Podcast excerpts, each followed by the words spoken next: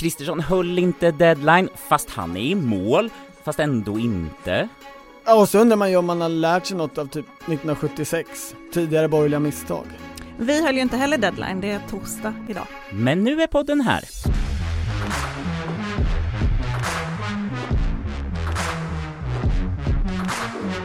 Det här är politiken med Maggie Strömberg och Torbjörn Nilsson. Och Henrik Torehammar. Jag måste berätta vad som hände i tisdags med Liberalerna. Alltså, när förstod du ens att det var en grej? Nej, men alltså, jag tar det från början. Det var så här. Tidigare på dagen så hade vi ett antal eh, journalister från olika redaktioner. Det var Lova Olsson från Ekot, det var Marmestein från SVT, det var Helena Gissén från Expressen. Vi hade bestämt oss för att vi måste förstå var, alltså alla har ju flyttat runt i riksdagen. In, alla partier? Alla partier. Och ingen visste var det här nya rummet där Liberalerna ska sitta eh, var det finns. Så liksom er superkompetens var ändå den delade osäkerheten? Ja men så vi gick i grupp eh, alla lika frustrerade över att inget läckte från förhandlingarna och så gick vi och letade efter det här rummet som ligger i, alltså det är ju så sjukt svårt att hitta i vissa delar av riksdagshuset. Eh, vi, vi hamnade i konstförrådet, alltså ni fattar, det blev, allt var kaos. Men vi gick ändå tillsammans. Och så, Plockade med lite roliga för saker. Förberedda oss, för att vi alla ville ju, vi visste ju att Liberalerna hade riksdagsgrupp klockan fyra och alla ville ha chansen att ta kommentarer då om hur det gick och se vad som skulle förankras och sådär. Ja, Eh, tillbaka då sen några timmar senare när vi har, vi har lokaliserat det här rummet, sen har vi gått och jobbat med annat och sen ska vi gå tillbaka. Eh, och då står det väldigt mycket journalister utanför, det här är ju i källaren i östra riksdagshuset. Och alla står där och det är sån här tjabbig stämning, alla står och snackar och är lite osäkra på om de andra vet mer än vad man själv vet och sådär. Eh, och sen så plötsligt liksom klockan går, alltså, plötsligt tittar jag på klockan och bara nu är det tio i fyra, ingen har kommit än, det här är liksom inte normalt. Och sen inser vi ju efter ett tag att ja, men det kommer inga liberaler. De har flyttat sin riksdagsgrupp. På ett ännu hemligare ställe? På ett ännu hemligare Var ställe. Var de i Stanjolgången? För jag, jag, tänker att det är ett riktigt bra ställe eh, att ha väldigt liksom, alltså det blir som foliehattsmöten. är det i kulverten? Ja, och då är den gjord av stanjol? Ja, den, den, är informad i någon slags stanjol Ja, jag vet vilken du menar. Det är en gång mellan de två riksdagshusen under, eh, där, alltså där man det är kommer där fram, vaktmästarna håller till. Precis, man kommer fram till den här post... För de har de mest hemliga mötena. Nej men den är precis ovanför där. Okej. Eh, precis, tror jag. Alltså lite osäker. Men, men i alla hur, fall. hur fattade ni vart ni skulle då? Jo men då stod vi där allihopa och så började någon säga bara, jag kan gå och leta efter dem, jag hör av mig om jag hittar dem. Det funkar inte. Eh, så att till slut bestämde då de här liksom nio medierna eller vad det var att gå gemensamt och leta efter Liberalerna. Det är, så bra, det är som en, istället för en skräckfilm där alla bara säger jag går själv och kollar och blir ihjälhuggen eller någonting så bara, men om vi, vi tillsammans som grupp så kan vi ändå liksom kollektivt mm. genomföra Fast saker. Är det inte, får jag bara fråga om effektiviteten? Om ni är nio personer, riksdagen är, är stor och har många eh, kulvertar och valv och dolda Potentiella ställen. mördare Är det inte bättre hugger? att ni delar upp er? Absolut, om man då tror att eh, Hasse Rosén på DN kommer ringa när han har hittat Liberalerna. Ni vågar inte lita på varandra? Det var, ing, ing, det var ingen som i den stunden kände att liksom, det var dags att släppa iväg någon annan. Jag tyckte um, om alla för en vi, Precis, vi, vi, det var en sån en för alla, alla för en attityd. Så då gick vi upp i riksdagshuset, eh, lite förvirrat så här, vilken trappa är rätt? Eh, till där vi trodde att Liberalerna numera satt, de har ju, alltså, som sagt alla har ju flyttat.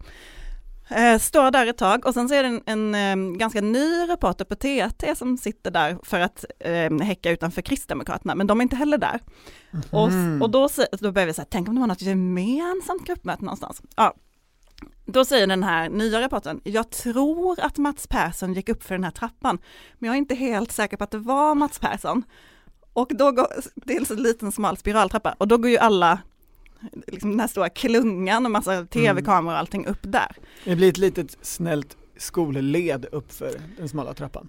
På en avsats högst, högst upp där eh, så är det glasdörrar och i något slags fikarum en bit in ser man Liberalernas riksdagsgrupp.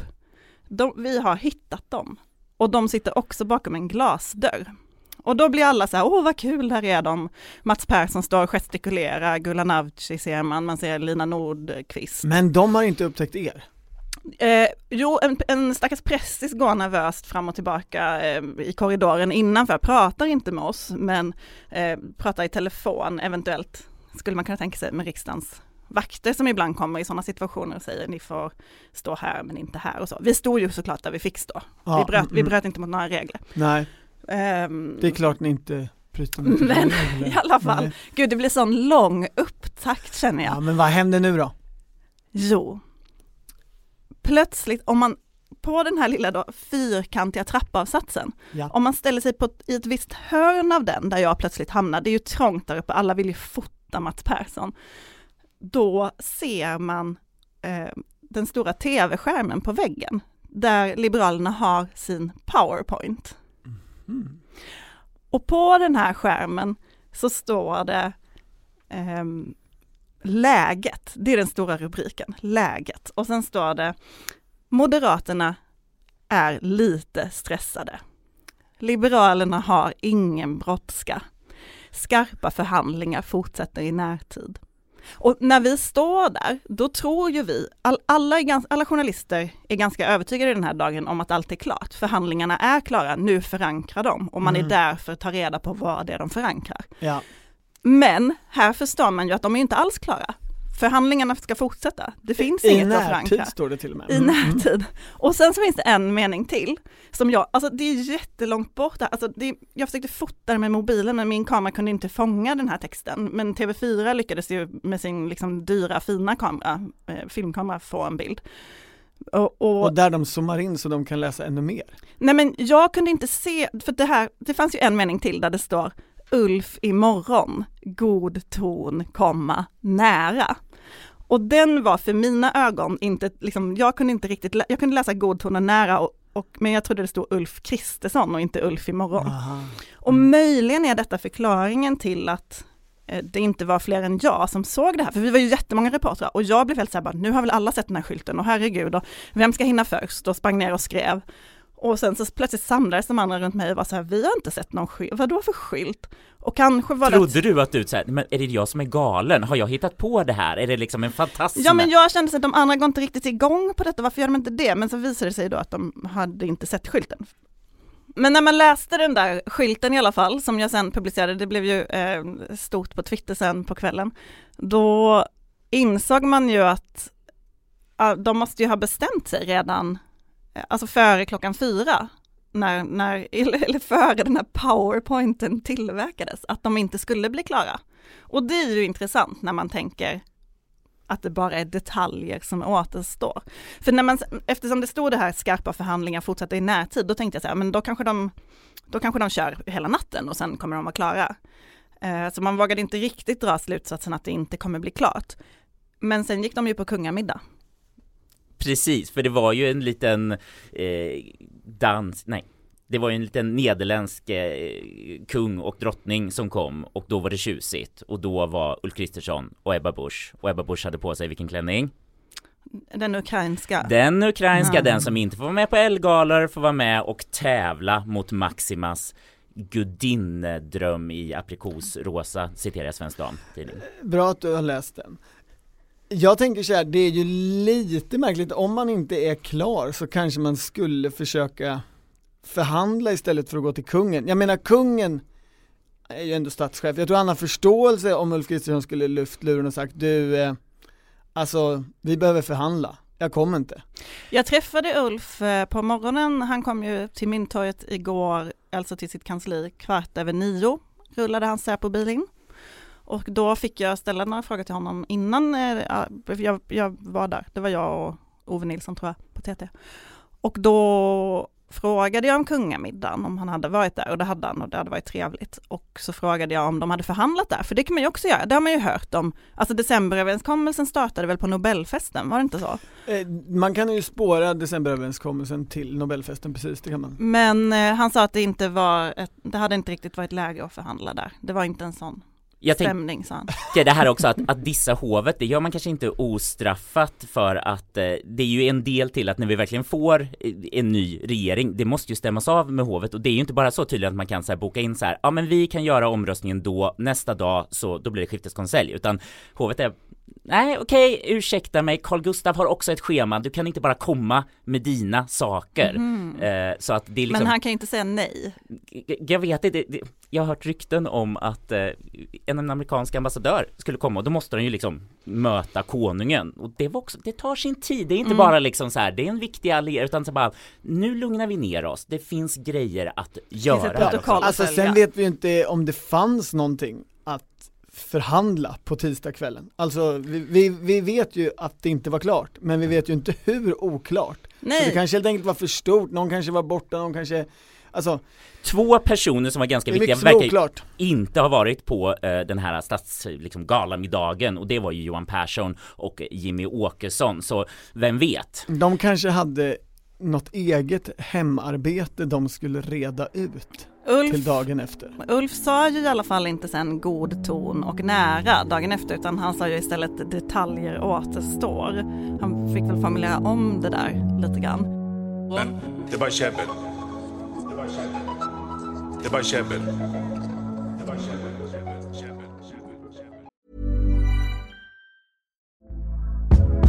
Hey there, it's Michelle Norris. I'm host of a podcast called Your Mama's Kitchen. When I travel, I'm usually looking for a way to find a taste of home when I'm not at home. And one of the things I love to do when I am at home is entertain. And Airbnb allows me to do that. When I was in California recently, I rented a house that had a great kitchen. And when we were sitting around the table, we were all thinking, we're in someone else's house. Someone could be in all of our homes as well. If you have a home, but you're not always at home, you have an Airbnb. Your home might be worth more than you think. Find out how much at airbnb.com/slash host.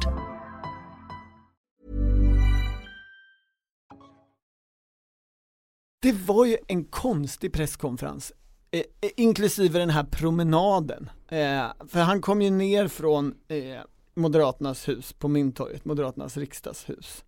Hur upplevde du det, Henrik, du som var på plats? Alltså det här att vara prio prao i riksdagen, vilken tur att man har den riktiga liksom politikmamman och gå under hennes vingar. För alltså Maggie Strömberg, det var populäraste tjejen i klassen får man säga, för du hade ju inte bara gjort det här äh, liberala powerpoint äh, avslöjandet utan på morgonen där i kylan, det var oktober och det liksom var lite ruskigt sådär och man drack kaffe då kom det ju ett nytt avslöjande som gjorde dig alla andra politikreportrar kände som sprang till dig och jag kände att det är ju hos dig jag ska vara för att förstå och lära mig. Kanske en väl rosenskimrande beskrivning skulle jag säga. Men, Är, är, är det jättekomplicerade saker? Det, det är att stå och häcka. Ja, det Det- visste jag inte vad, man, vad det var och hur Ja, man skulle det, göra. det är att vänta. Ja, Och, och sen är det klunga. Det är att hitta en position i klungan som uppstår. Men det som, det som, eh, det som Henrik kallar mitt superavslöjande som verkligen inte var, som verkligen var en liten sak, men det var att när jag kom till jobbet på morgonen och skulle gå in i, i vår del av riksdagshuset för att ha möte, då stötte jag ihop med flera av förhandlarna utanför Moderaternas kansli. Alltså vi bara, jag bara Du såg, såg dem smita in. Ja men vi, jag, liksom, jag vill stanna, och- jag, alltså så här var det, jag, det, solen sken på Mynttorget, det var en ganska fin oktoberdag och då tänkte jag, jag kan, skulle ju kunna ta mötet utanför på, på bänken och bara se lite om det händer något här. bättre på brännan. Och då stannade jag där och så kom plötsligt, eh, Vilka kom? Först kom Tobias Karlström, Ebba Buschs stabschef, som ju leder deras förhandlingar. Sen kom eh, Per Clareus och Johan Stewart, viktiga moderater, alltså Ulfs stabschef och policychef. Mm. Sen kom Maria Nilsson, Liberalernas partisekreterare och Gunnar Strömmer, Moderaternas. Inga sen- Sverigedemokrater. Inte som jag såg, men de kan ha tagit kulverten, för de har ju väldigt nära varandra genom kulverten. Ja, just det. Och då ville ju många stanna för att de ville prata om, alltså jag, men på ett sätt har du rätt, för jag har aldrig varit så populär bland andra partier som efter det här Liberalerna, Liberalernas powerpoint-nyheten. För att alla ville stanna och prata om det och hur klantiga Liberalerna var. Så det var inte bara Ehm. journalistkollegor som kom fram och pratade med dig utan det var liksom partister som hörde av sig. Ja men alltså det- alla gick ju till jobbet, man möttes där, det var väldigt Va- mycket Det var den folk. stora allmänheten. Nej, det var, det var eh, politiker och tjänstemän. Och ehm, då det, blev det ju väldigt tydligt att de absolut inte var klara och inte skulle bli klara. Och det, framförallt var man väl irriterad, alltså jag har pratat med en del från då samarbetspartierna här som är ganska irriterade över Liberalernas klantighet. Och är så här, varför, varför sätter man upp Ulfs talepunkt på en powerpoint och att liksom nu, det är ju, de är ju väldigt stolta över att de har lyckats hålla så tätt. Det har ju inte läckt någonting i princip från mötesrummen. Och då lyckas Liberalerna som är det läckande partiet, de lyckas liksom hålla tätt, men de lyckas också göra en powerpoint som man kan se från en riksdagskorridor. De lyckas läcka av misstag, till Ja. skillnad från allt det vanliga med Liberalerna, att de läcker med flit. Eh, jag, jag, jag vabbade ju den här dagen och jag såg den här promenaden och presskonferensen via SVT. Från mitt håll sett så var det ju en ovanlig Ulf Kristersson tyckte jag. Som liksom forcerad eller pressad, han försökte skoja som vanligt eh, under den här promenaden. När sen presskonferensen börjar efter att han varit hos talmannen så är ju den här väldigt skicklige, alltså han är ju otroligt skicklig med ord, om man, särskilt om man jämför med en del av hans konkurrenter. Men han är ju lite slarvig på den här presskonferensen. Han pratar ju om det här med längden, hur länge han har fått eh, eh, hålla på och förhandla. Och eh, dels så säger han ju att jag har inte alls förhandlat så länge som ni journalister säger. Jag har ju, jag har ju bara eh, förhandlat i, Två veckor är ju hans, det är ju det han säger. precis. Alltså statsvetare räknar ju alltid från valdagen när de gör sån här statistik. Och ska man tro på de uppgifter som Sverigedemokraterna själva, Linus Bylund i Agenda dagen efter valdagen uppgav, så var det ju möten där förhandlingar eller samarbetsdiskussioner påbörjades på måndagen. Så man måste ju Ja, räkna men- från måndagen efter valdagen. Man såg ju dem gå in då, partiledarna. Ja. De häckande journalisterna såg ju dem gå in till Ja. Men eh, alltså det som var lite, liksom, det där kan man ju diskutera fram och tillbaka. Då fanns det ju fortfarande inget fastslaget valresultat till exempel från eh, Valmyndigheten. Det är ju en invändning. Men statsvetarna räknar ju som du säger från valdagen. För att man gör det internationellt och det är det enklaste sättet att jämföra. Men det som var lite konstigt var att Ulf Kristersson sa att han hade haft två veckor på sig. Men han fick ju ett, ett faktiskt sonderingsuppdrag från Andreas Norlén den 19 september. Då hade ju inte Norlén formellt valts till ny talman för den nya riksdagen än. Riksdagen hade ju inte öppnat. Nej. Och så att sen veckan efter det så gav han ju en, det tidsatta uppdraget. Och det är det Ulf pratar om. Han pratar om att säga, jag har fått två veckor, det var då talmannen gav honom ett datum. Men då hade de ju redan suttit och förhandlat och hade han redan haft sonderingsuppdraget. Detta är ju egentligen bara... Det, det är totalt oviktigt, fast det är ju intressant att han hänger sig fast i det Ja, och på det, den här presskonferensen. det är intressant att man ser en massa moderater som sitter på Twitter och är så här, det här är inte lång tid, alltså de verkar väldigt stressade över bilden av att det tar lång tid. De verkar liksom vilja hålla, de håller på väldigt mycket själv med de här dagarna, vem kommer bry sig om två dagar hit Nej och och det är klart ingen kommer göra, men det säger ju någonting om sinnesstämningen när de väljer att hänga upp sig på det själva. Och det, det var ju ovanligt också slarvigt, Ulf Kristersson brukar ju inte vara slarvig i hur han uttrycker sig, men han skulle ju jämföra och säga att nu är det ju, det finns ju skäl att, att eh, att hålla steget uppe eller hur han uttryckte, alltså att vara ganska Driv snabb i nu. steget. Driv i steget, tack Henrik. Eh, eftersom, och inte återupprepa som man sa, tidigare regeringars senfärdighet. Det finns ju alltså bara en, eller möjligen två regeringsbildningar sedan demokratins införande som har varit mer senfärdig än den här. Alltså egentligen är det bara den som var förra, eh, efter förra valet. Ja. Och hur kan han då säga det i plural? Jo, Så att- slarvig är inte Ulf Kristersson. Nej men därför att du missförstår Ulf Kristersson tror jag. Ehm, Det är möjligt. Han, jag tror inte Vad han... fint att du är Ulf Kristersson förklararen när jag och ja. Johan Persson förklarar den. Ja, men jag tänker att jag har intervjuat Ulf Kristersson ganska många gånger då han har pratat om regeringens senfärdighet och då pratar han inte om regeringsbildningen utan det är ju en av hans huvud, alltså det är ju hans huvudsakliga kritik mot Stefan Löfven som statsminister, att han var för långsam för att reag- på att Ja, reagera ja, på ja. olika kriser. Jag tror att det, det var det han syftade på, eller så tolkar jag honom i alla fall. men han säger regeringars. Det är ja men det är ju Magdalena. Andersson också. Alltså, Men i säga- vilket fall, Ja, jag får jag säga, är inte det här han är ute efter? För det här är väl en jättetrevlig debatt för Moderaterna att ha när man vet sen att Magdalena Andersson säger åh, fyra resultatlösa veckor blir fyra resultatlösa år, då hamnar vi i sifferbråket. Det är i alla fall en konflikt som vi kan prata om i media, för vi har så lite annat att prata om, så någonstans går energin ditåt. Så då väljer man att så här, om vi kastar ut lite här så har de något kött att springa på. mm, som inte är hur går det egentligen med flyktingpolitiken eller? de konkreta sakfrågorna, vad, Mm. vad ska Sverige bli under det här nya fyrmannastyret? Mm. Men eh, Moderater dementerade ju igår då det som stod på Liberalernas skärm att de var lite stressade och eh, Sa de, sa är mycket att stressade. eh, det där var nog något som var viktigt för Liberalerna att säga internt men eh, det är inte sant. Okej. Everybody's stupid in an election year, Charlie. Everybody's stupid in an election year. Everybody's stupid in an election year, Charlie. Stupid in an election year. Stupid in an election year. Ja men Socialdemokraterna har ju som Henrik var inne på här gett sig in i leken. Hur har ni på fältet upplevt dem? Jag kände stressen av intresset faller så markant för en statsminister, absolut avgående i en övergångsregering, eh, men det var ju så många som ville sitta i eh, presscentret på riksdagen när Ulf Kristersson kom, så det var helt fullt, det var dåligt med syre där.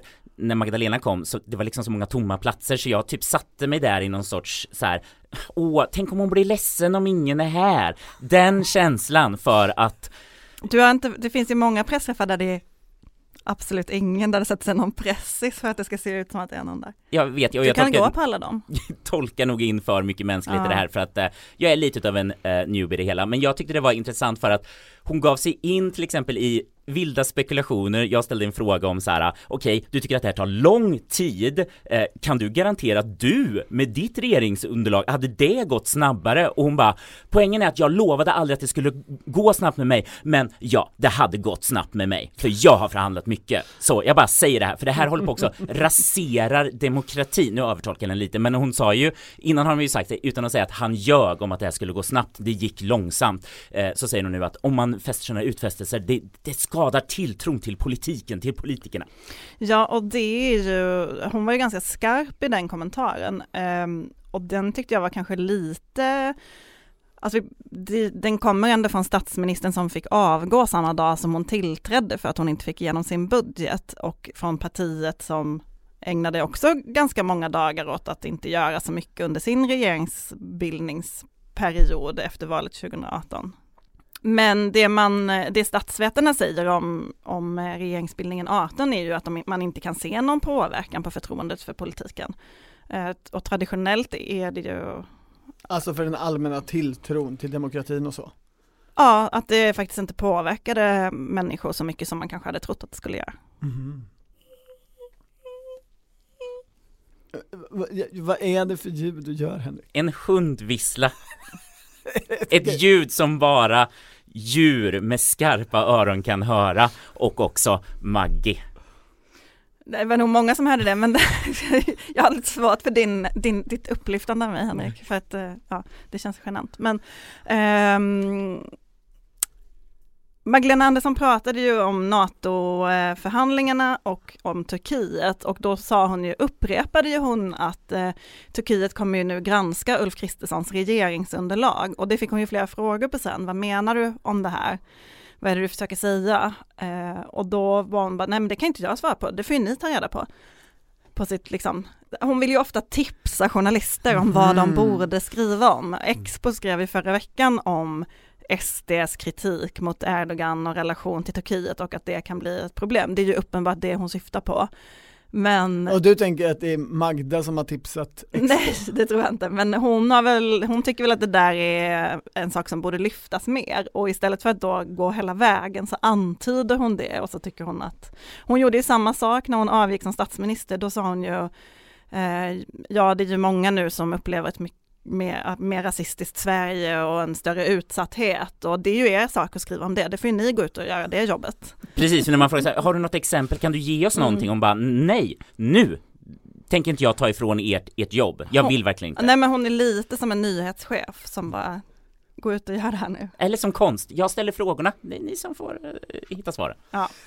Men Socialdemokraterna är ju inte särskilt relevanta hur vi än vänder och vrider på saken just nu, utan poängen på Ulf Kristerssons presskonferens var ju, det återstår bara detaljer. Vi är nästan i mål. Nej, vi är i mål, sa han va? I Hur princip i mål. Vi är i princip klara. Det var, det var ju väldigt mycket att säga att det, vi är klara. Det hängde ju inte ihop Nej, men det han och sa det- ärligt talat alltså. Det som är så kul med det är att så här, den enda talepunkt de har haft hela tiden har ju varit inget är klart förrän allt är klart. Det är ju det enda han har sagt. Och Och nu nu, kommer- står han där och bara, det är klart, men alltså inte allt. Men är det inte att han tänker på fysikpriset och var det inte egentligen någon sån här Schrödingers kattbelöning av att, att det är både grått och vitt och svart samtidigt och allting är magiskt och eh, ni, det, återigen, allting är stor konst nästan. Stor fysik eller stor konst, Han- ni ska inte kunna förstå det. Han kunde ju inte säga god ton nära, så att han fick ju säga vi är i mål. Du tänker att det är det som var hela problemet med presskonferensen, att eh, du hade breakat hans talepunkt dagen innan och därför så blev det en sämre talepunkt, det här med i princip i mål. Jag vet Kanske. inte. Men det var ju i alla fall under, under eftermiddagen sen då igår så försökte man ju ägna en del tid åt att ta reda på vad de här detaljerna var. Eh, Det, det var ju det, det stora reporterjobbet igår, att ringa till olika personer eller springa efter dem i riksdagen och Ja, ta reda på vad det var. Och det var ju, det, de höll ju väldigt tätt, det var ju i princip omöjligt. De jag pratade med sa ju bara, det enda jag fick höra från andra partier då än Moderaterna var att jo men vi delar Kristerssons bild att det bara är detaljer. Eh, någon sa att eh, det är faktiskt inte ens några sakfrågor kvar att lösa utan det, är bara, det handlar bara om skrivningarna. Och om man då säger så här, fast om det bara handlar om skrivningar, kunde inte Tobias Billström sitta uppe i natt och skriva det då? Eh, varför, om det Ja, bara är mm. så smått, varför kunde ni inte hinna klart? Hur kunde ni veta redan dagen innan att ni inte skulle hinna klart? Det kan ju ingen svara på, eller det vill ingen svara på. Och, och fortfarande, om ingen säger någonting så är det ju tecken på att jo, jo den här processen fortgår ju och eh, jag tänkte också på det här när vi hamnade återigen i de stora frågorna, politiken saknas, vi vet ingenting om det. Eh, så absolut kan man spekulera i exakt, är det kvotflyktingar, är det public service, eh, är det bistånd, vad, ja, liksom vad, vad är det, ska ni ha någon skrivning om någonting där och så förhandlar man procentsats? Vi vet ju inte vad det handlar om. Och jag var ändå tvungen att skriva en text om allt det här och då valde jag att så här, då får vi gå på detaljerna, men detaljerna att måla med bilder av den här dagen och eh, bland annat så valde jag det klassiska journalist knepet att om det inte finns några nyheter, sätt dig själv i centrum. Eh, och fokuserade på Stina, fotografen Stjernqvists eh, bild utav mig där jag glad följer med det här spektaklet där vi ser hindhoppande Expressen politikreportrar som tar sig över såna här betonglejon eh, jag, jag, alltså jag går och tittar fascinerad på detta och det här fångas i en bild. Ska säga Stina kanske inte sa det så snällt, hon sa så här, titta på de här ögonen, helt tomma. Eh, det var också, det var alltså. mina ögon, det var mina Ja, ögon när jag mm, dyker upp mm. där bakom uh, Ulf Kristersson. Eh, och, och liksom försökte bara säga så här, men det är ju konstigt, det är ju ett spektakel på något sätt. Det här, vi jagar på svar som vi snart kommer få på en presskonferens. Var, varför? Fast det fick man ju inte, och det är väl det Nej. som är liksom saken här. Alltså det är ju svårt när Ulf Kristersson säger, det återstår bara detaljer. Så det är svårt att inte lägga det samman med vad som faktiskt ändå har framkommit under de här fyra veckornas journalistiska letande. Det som har framkommit, som ju från, från oftast anonyma källor, och som då skulle kunna vara helt uppåt väggarna felaktigt, är ju problemet är Liberalernas regeringsmedverkan och Sverigedemokraternas syn på det. Och det är ju, ingen har ju på ett effektivt sätt dödat den beskrivningen Nej. av någon av de fyra partierna. Det hade man ju haft all, den här, den här beskrivningen har ju vuxit fram successivt under Mm. veckorna. Och det hade man haft alla möjligheter att döda om man, liksom, om den var fullständigt felaktig och man inte ville ha den bilden. Var den felaktig så skulle man ju absolut inte vilja ha den bilden, tänker jag. Personer som jag pratade med igår eh, antydde ändå att regeringsfrågan var löst, eller antydde det väldigt tydligt. Men eh, alltså man, det är ju svårt att veta vad man ska tro när man pratar med folk nu, för alla har ju sina skäl att säga olika saker, men det är svårt att tro på någonting. Samtidigt kan jag tycka, eh, alltså det är klart att de liksom stora motsättningarna står mellan Liberalerna och Sverigedemokraterna, men jag tycker personligen att Kristdemokraterna har flugit lite under radarn.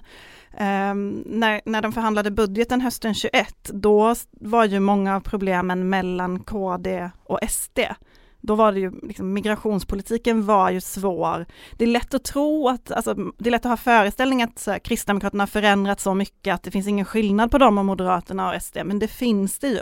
Och jag vet att Moderaterna man pratade med om den förhandlingen sa att eh, det var Kristdemokraterna som var de jobbiga, de skulle ha så mycket detaljer, de skulle, det, liksom, de, mm. så att ja, jag tänker bara, vi vet, ju, vi vet ju fortfarande väldigt lite av vad som har hänt, men man ska nog inte heller underskatta problemet Kristdemokraterna, det Nej. det jag menar. Och, och, många kan ju tycka det vore ju helt knäppt om de inte har löst vilka som ska sitta i regering som kanske från början har varit den största stötestenen i det här underlaget. Men då får jag humfa till det, ja men om det är priset som de pratar om att så här, egentligen är den frågan utlöst, det är ju bara vad det kostar och kostnaden, eh, och då kommer vi på policydetaljer, eller om det som vissa eh, tror att nej, även kostnaderna är man överens om, men nu ska de liksom gås med på förankras internt i partierna och det kräver också sin lilla tid för vi... Fast så är det ju uppenbart inte med tanke på att de inte har börjat förankra. Alltså riksdagsgrupperna har ju inte fått någon information och ska man förankra är det ju där. Partistyrelserna har inte heller fått information. Så att det, är inte för, det är inte förankringen som är problemet. Hela det här resonemanget bygger ju också på att det är linjärt den här förhandlingen. Alltså att det hela tiden går ett steg framåt, aldrig något steg bakåt. Och så måste det ju inte vara. Vi har alltså nått punkten nytt från Torbjörn Nilssons bibliotek. Torbjörn Nilssons bibliotek. Varsågod, varsågod, varsågod, varsågod, Studerar man den absolut bästa skildringen av en regeringsbildning i Sverige Nu känner jag att man kan luta sig tillbaka lite grann Det jag pratar om är ju förstås Kai Hammerichs bok Kompromissernas koalition Självklart som i en fruktansvärd eh, detaljrikedom skildrar när Torbjörn Fälldin Fruktansvärd eller underbar? Ja den är både och skulle jag säga. Jag trodde du skulle Han beskriva ju, nej, men, eh, omslaget, det var fruktansvärt, det är lite grälla färger med dagens eh, eh syn. Omslaget ser ju ut som det skulle se ut 76 Alltså det är en bild på Torbjörn Fälldin Centerpartiet, Gösta Bohman, Moderaterna, Per Ahlmark, Folkpartiet. Det är de som ska bilda en trepartiregering. Och sen så är det ju orange och grönt framförallt. Två starka färger från, från 76. Alltså det hetaste man kunde ha tror jag var en sån väldigt bred slips med orangea stora prickar på. Den här boken är extremt välresearchad. Kai Hammerich har läst, fått läsa, eh, alla dokument som de arbetade med i den här regeringsbildningen. Alla PM, alla utkast till regeringsförklaring och allting. Och han har, han har fått göra långa intervjuer med alla, så han har liksom alla detaljer om allting. Och jag använder ordet fruktansvärt Maggie för att det är ju otroligt imponerande och också stundtals lite, lite, lite tröttsamt eh, att, att hänga med i alla detaljerna. Men Så det, har aldrig någon sagt om våra texter. Det han bland annat visar på är ju att folk kan ändra sig. Alltså jag ska inte referera hela den här boken, det, men den är ju helt underbar. Alltså folkpartisternas ingångsvärde då är ju, Moderaterna ska helst inte vara med alls. De är ju att betrakta som paria. Eh, eh, ska de vara med så måste ju vi, vi ska ha tre villkor. För det första så måste vi folkpartister ha fler ministerposter än Moderaterna. Fastän då Moderaterna hade blivit större än Folkpartiet. Det andra villkoret är vi och Centerpartiet måste sätta oss ner och förhandla en färdig regeringsförklaring om mittenpolitik först. Och sen ska eh, Boman få läsa det och liksom take it or leave it. Antingen så säger du ja till det här eller säger du nej. Och deras tredje krav var att Moderaterna omedelbart måste sluta ta emot partibidrag från storföretagen. Det, alltså det här var ju en fråga som absolut inte har någonting med regeringsbildningen att göra, men den kastar de in. Ni, de, de, var bara... det för att de skulle tvätta Ja men på den här tiden så, så hade man ju börjat få partibidrag från 60-talet men Moderaterna tog fortfarande emot eh, eh, företagspengar. Ja, och, Och, de, det var en del av paria. det var ju en del av pariastämpeln, Mm. eh, absolut på 70-talet med, med syn på kapitalism då och sådär. Eh, men alltså modet eller dåraktigheten, de, de liksom, vi ska bilda regering. Men de kastar inte in någonting som har liksom med sakfrågor eller, eller det, utan vi tänker ge oss in i ert partis finansiering. Strypa källan till era pengar, annars får ni inte vara med. Okej, så börjar det. Sen, Det är som om någon skulle säga till sossarna, ni måste bryta med LO först. ja, ungefär så. Det fanns sätt som Annie Lööf kunde ha gjort januariavtalet ännu mer smärtsamt. Mm. Sen är det ju förvecklingar i en evighet. Men det de gör, Ah, okej jag ska berätta en detalj först innan jag kommer till poängen. Det finaste ögonblicket är vecka två. Jag tror att det är på onsdagen eller sådär. Då är alla vansinniga på allting. Gösta Bohman ringer runt till sina vänner och frågar är det verkligen någon mening att sätta sig i den här regeringen tycker ni? Och han blir sur för alla svarar ja. Han vill höra nej så att han liksom bara kan skita i det här och dra. Folkpartisterna ägnar hela kvällen åt att träna Per Ahlmark på att bli förbannad. För en dynamik i det här är ju att Fälldin ska vara medlaren, samlingspartisterna, alltså samma som Ulf Kristersson har tagit på sig. Och sen är då, står Boman mot Ahlmark. Och Boman är ju kolerisk. Så flera gånger har han via sitt naturliga, beryktade humör lyckats fösa undan folkpartistiska krav. Alltså bland annat det här att de skulle förhandla en, en regeringsförklaring med Centerpartiet först, som Moderaterna fick se sen. Det har liksom försvunnit. För, för Boman har blivit så jävla förbannad över det. Det funkar att vara en arg hysteriker. Ja! Och detta inser ju då de här, ja, vilka det är, Carl Tam och Hans Bergström och alla folkpartisterna i Stockholms liksom, innerstadsmiljö, de bara, vi måste komma ifatt Moderaterna på vreden. Och då bygger de upp tre olika scenarior eh, och tränar, alltså skådespelartränar Ahlmark på, på kvällen den här tisdagen eller onsdagen. Eh, får honom att bli arg, för han har inte det i sig. Och detta övar de och övar och övar. Och sen dagen Det är så efter, underbart att de har liksom en sån, ja. Och sen dagen efter är det trepartiförhandling. Och då i 25 minuter så står Boman och Ahlmark och skriker på varandra. Allt medan Torbjörn Fälldin inte säger ett ljud utan bara sitter och suger på sin pipa. Och, och då är liksom, då rensas på något sätt luften och sen kan alla sätta sig ner och okej, nu börjar vi men prata. jag måste bara fråga en kontrollfråga här Torbjörn, du brukar säga att den som inte blir arg är den som vinner. Eh, och, eh, det är mer privat jag säger det. Jag är inte säker på att det stämmer i, i politiken, den regeln. I vilket fall, det som är problemet med den här regeringsbildningen är ju kärnkraften. För där blir också dynamiken helt annorlunda. Fälldin ska ju, kan ju vara medlare mellan Boman och Ahlmark i nästan allt, utom kärnkraften. För där håller ju Boman och Ahlmark med varandra. De vill ha kärnkraft. Fälldin däremot har ju lovat att kärnkraften ska avvecklas till 1985 och han ska absolut inte ladda något nytt kärnkraftverk. Det är Barsebäck som är problemet. Det är färdigbyggt och står redo att laddas. Det som är det intressanta är väl inte bara hur Fälldin liksom blir religiös och Boman och Ahlmark blir liksom livrädda varje gång de pratar om kärnkraften, för det går åt helvete hela tiden. De liksom försöker och i någon dag, andra veckan så säger Boman liksom men vad händer om vi inte kommer överens om kärnkraften då? Vi försöker liksom vädja till Fälldins medlande ansvarsroll och då säger Fälldin Det får hända vad fan som helst, bara jag inte är med om det. Så det, de skjuter ju den här svåra frågan framför sig.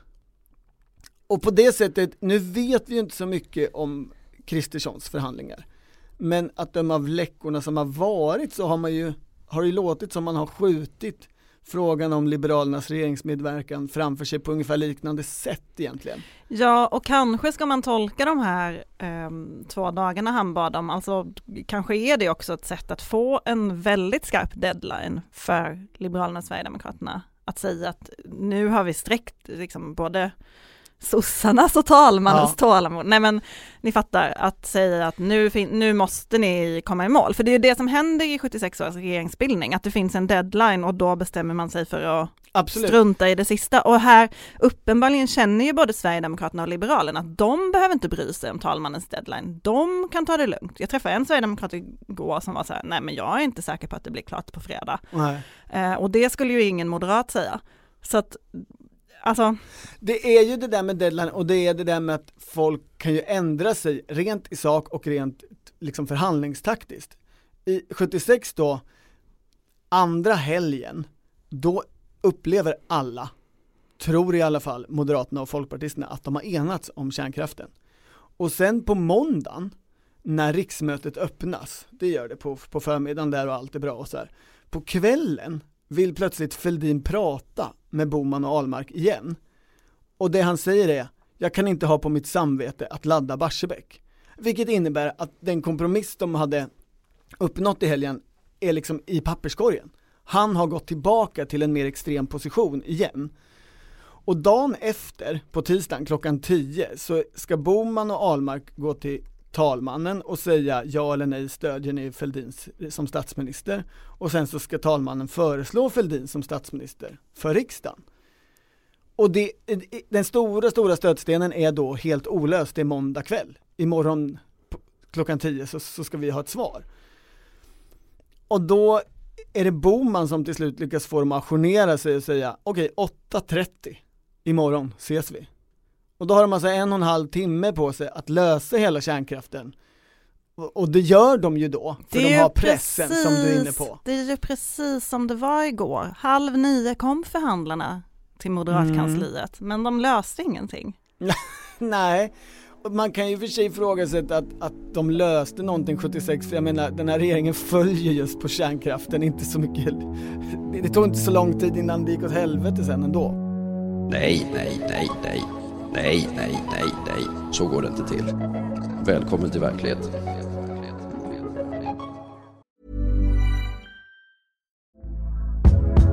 Hey there, it's Michelle Norris. I'm host of a podcast called Your Mama's Kitchen. When I travel, I'm usually looking for a way to find a taste of home when I'm not at home. And one of the things I love to do when I am at home is entertain. And Airbnb allows me to do that. When I was in California recently, I rented a house that had a great kitchen. And when we were sitting around the table, we we're all thinking, we're in someone else's house. Someone could be in all of our homes as well. If you have a home, but you're not always at home, you have an Airbnb. Your home might be worth more than you think. Find out how much at airbnb.com/slash host.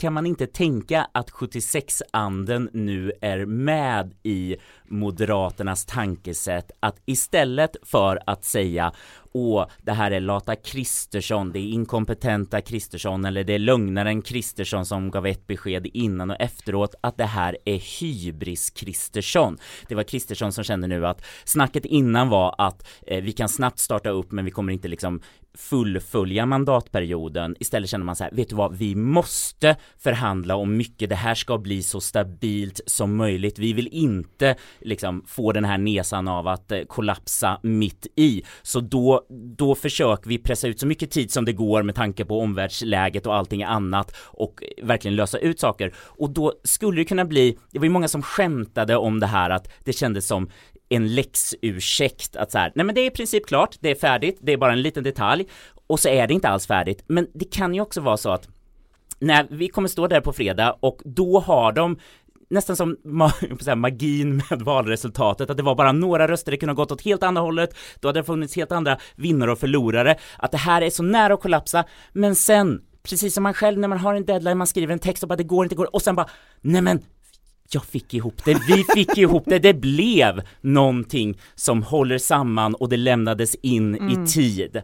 Det är ju alltid så att typ så här, eh, ja men några timmar innan man är klar med sin text så tror man ju att det aldrig kommer bli något och att det alltid katastrof. Och så nu, är det ju. Och nu jobbar ni, nu försöker ni, nu lever ni er in i Ja, Ulf Kristerssons känner, känner med- psykologiska Nej, men- läge just nu. Ehm, det, min enda fundering utifrån det du säger Henrik är Eh, det är ju inte, som jag uppfattar det, Moderaterna som vill att det ska ta tid och vara så här detaljerat. Nu håller de ju på och säger att eh, man ska inte jämföra med tidigare svenska regeringsbildningar, man kan jämföra med tyska regeringsbildningar eller Danmark 2001 sa Marmorstein igår till mig att eh, Carl Bildt hade börjat prata om.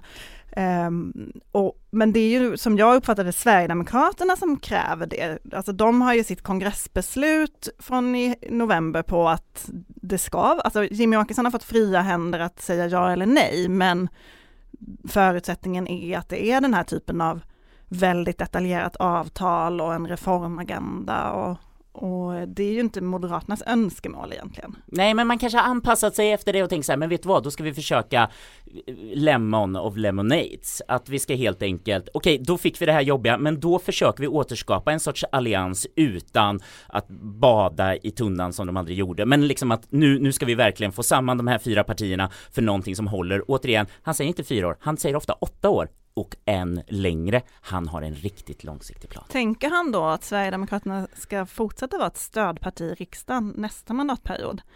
Och hur, ja, det, där har man ju några frågor.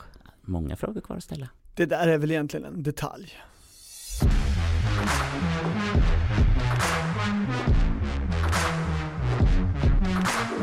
Du har lyssnat på Politiken, en podd från Svenska Dagbladet. Producent Mattias Dellert och ansvarig utgivare Anna Kareborg.